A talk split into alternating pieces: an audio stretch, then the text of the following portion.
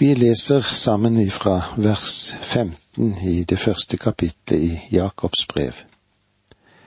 Når begjæret er blitt svangert, føder det synd, og når synden er moden, føder den død. Når begjæret er blitt svangert, føder det synd. Du kan ikke ha en fødsel uten utvikling. Lysten, begjæret, resulterer i noe. Og når den onde tanken knyttes sammen med den ytre fristelse, så skjer det en fødsel. En handlingsfødsel. En syndefødsel. Dette rasjonaliserer vi i våre dager. Det vil si, vi bortforklarer det. Vi prøver å tolke det om. Vi rasjonaliserer vårt dårlige temperament. Vi rettferdiggjør vår sladder. Vi bortforklarer en mengde småsynder. Og vi rasjonaliserer til og med grov umoral. Men Bibelen har noe klart å si, for den sier om dette det er synd. Og når synden er moden, føder den død. Bibelen, den taler om tre slags død. Det er en fysisk død, og den kommer til oss alle. Ja, det kan du være helt sikker på. Og så har vi den åndelige død, som er det fortapte menneskets situasjon.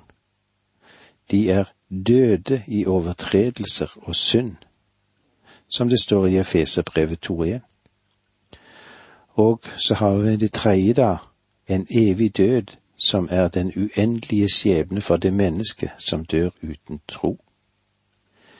Død betyr først og fremst adskillelse. Derfor er det slik for en troende at det betyr at når synden blir født i ens liv, når den blir til en handling, da blir fellesskapet med Gud brutt og da skjer det en adskillelse. I Johannes sitt første brev i det første kapitlet leser vi slik.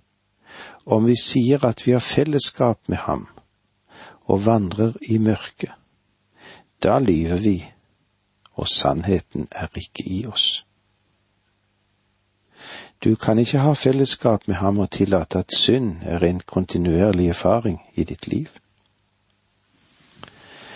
Det er tragisk når mennesker i dag tror at de kan komme unna denne fødselsprosessen som dette bibelverset taler så sterkt om. Når begjæret er blitt svangert, føder det synd. Synden vil føre til atskillelse i fellesskap med Gud, om du er hans barn, og han vil dømme deg for det hvis du ikke dømmer deg selv. Ja, fristelse, det er det mye av i dag, som det alltid har vært. Og eh, mange kristne sier Å, djevelen fristet meg. Fristelse kan ikke føde frem noe som helst før det smelter sammen med begjæret i din onde natur. Og det viktige er at når det knyttes sammen, så føder de synd. Og det som fødes frem, det fører til død.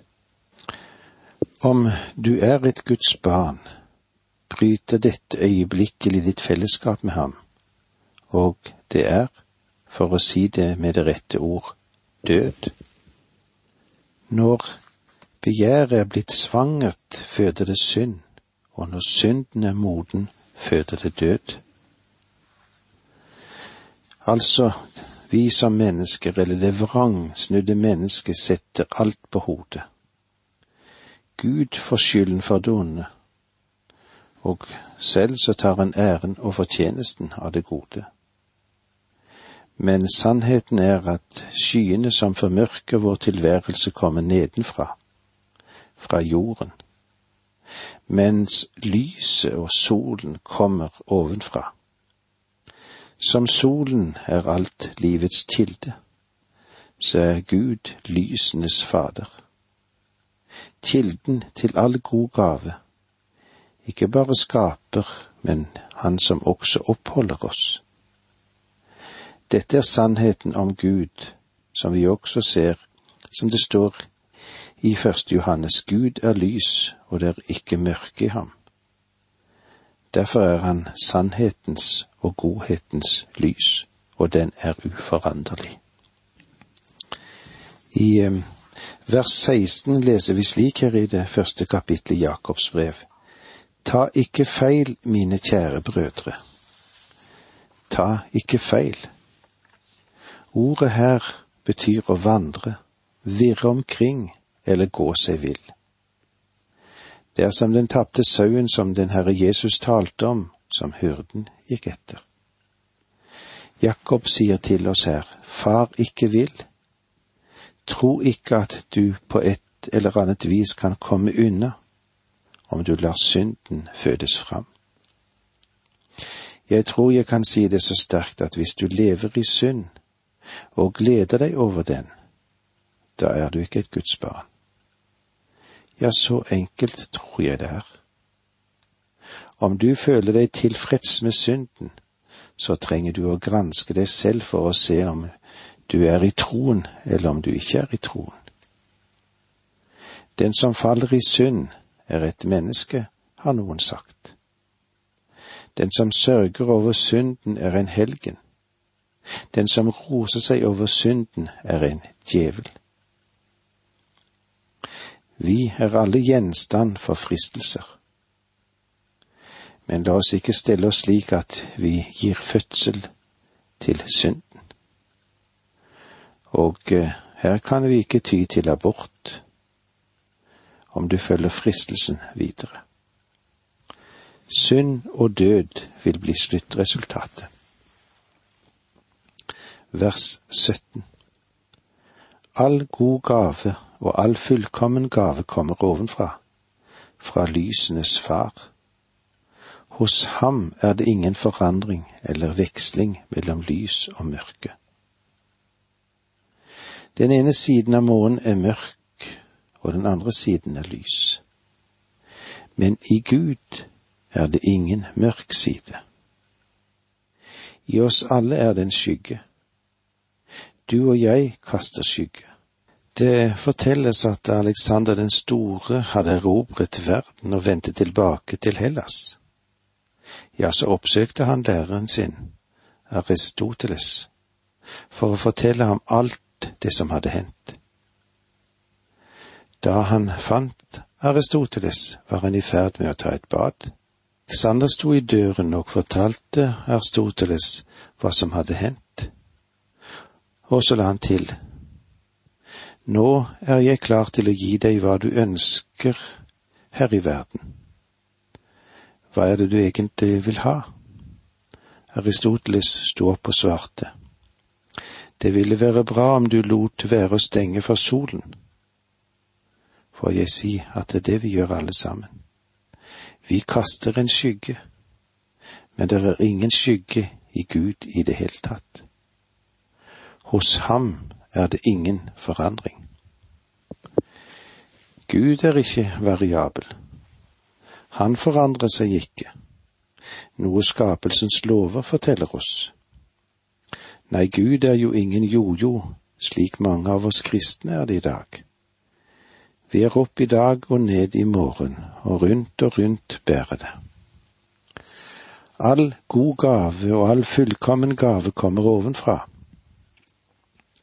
Alle gode gaver kommer fra Herren. Prøv å telle velsignelsene dine og det du har fått i dag. Solskinnet, regnet, en overskyet dag, en sollys dag, grønt gress, hvit snø. Vannet du drikker, luften som du puster inn. Gud ga oss ren luft og rent vann, men det er mennesket som har forurenset det. Gud gir gode gaver. Gud er god. Og det er en svakhet ved deg og meg. Vi forstår i virkeligheten ikke hvor god han egentlig er Og med disse ordene må vi si takk for nå, må Gud være med deg. Dette undervisningsprogrammet består av to deler. Åge Nevland fortsetter nå med andre del av dagens undervisning. Vi er i Jakobs brev i det første kapitlet, og det som er viktig for oss å ha klart for oss, er å være faste i troen, og vi må være klar over at Gud lønner. Han frister ikke. Og når vi nå leser det attende vers i det første kapitlet, så vil vi òg se hva Gud har gitt oss. Vi leser sammen. Av sin frie vilje har han født oss til sannhetens ord, for at vi skal være en førstefrukt blant dem han har skapt. Guds vilje, den er alltid god. Så er vi til som Guds barn for hans godhetsvilje. Det er ingen av oss som har funnet på å bli Guds barn, men han har født oss. Og nettopp dette er det vi får lov til å oppleve i Guds ord, det som er gjenfødelsens middel. Dere som er gjenfødt, ikke av forgjengelighet, men av uforgjengelig sæd ved Guds ord, som lever og forblir. Av sin frie vilje har han født oss ved sannhetens ord, for at vi skal være en førstefrukt blant dem han har skapt. Jeg tror at dette er en klar henvisning til den nye fødsel. Hvordan unnfanger han oss? Ved sannhetens ord, for at vi skal være et, en førstefrukt blant dem han har skapt. Føde betyr å frembringe, og det er de som sier det på denne måten. Vel, om jeg er forutbestemt til å gå fortapt, så er det ingenting jeg kan gjøre med det. Og hvis jeg skal bli frelst, så vil jeg bli frelst. Her er det to viljer som er involvert. Av sin frie vilje har han født oss. Igjen må jeg si at for at det skal skje en unnfangelse, så er det to som må komme sammen. Det er ingen annen måte enn unnfangelse som kan finne sted. Derfor, når hans vilje smelter sammen med din vilje, vil du bli født på ny. Si ikke at du ikke er ansvarlig. Det er ikke hans vilje at noen skal gå fortapt. Du blir født ved Guds ord. Når du er villig til å komme, når du tror Guds ord og tar imot Jesus Kristus som din frelser, vil du bli født på ny. I første Peter brev i det første kapittelet og i det 23. verset leser vi slik:" Dere er jo født på ny, ikke i kraft av forgjengelighet, men av uforgjengelig sæd, ved Guds levende ord, som er og blir. Vi leser videre i vers 19 her i det første kapittelet i Jakobs brev. Dette må dere vite, mine kjære brødre.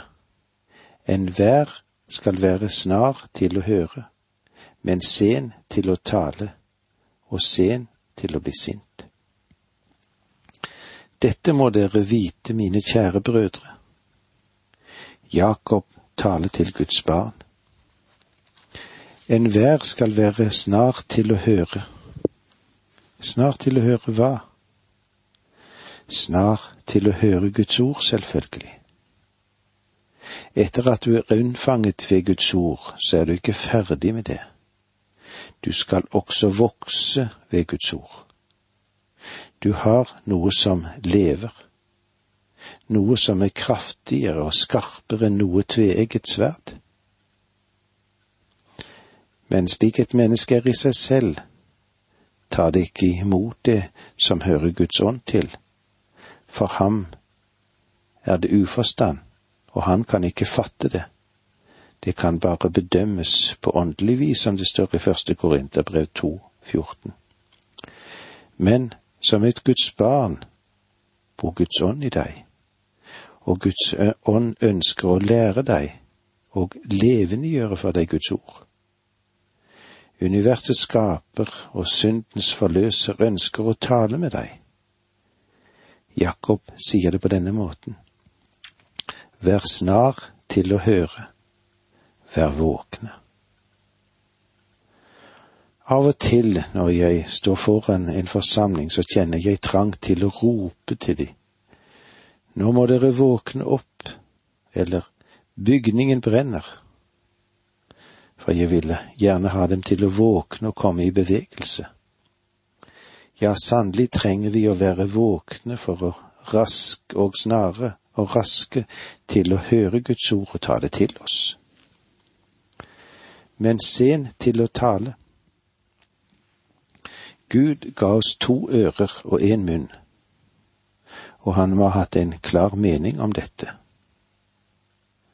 Det er en virkelig fare for at vi snakker for mye.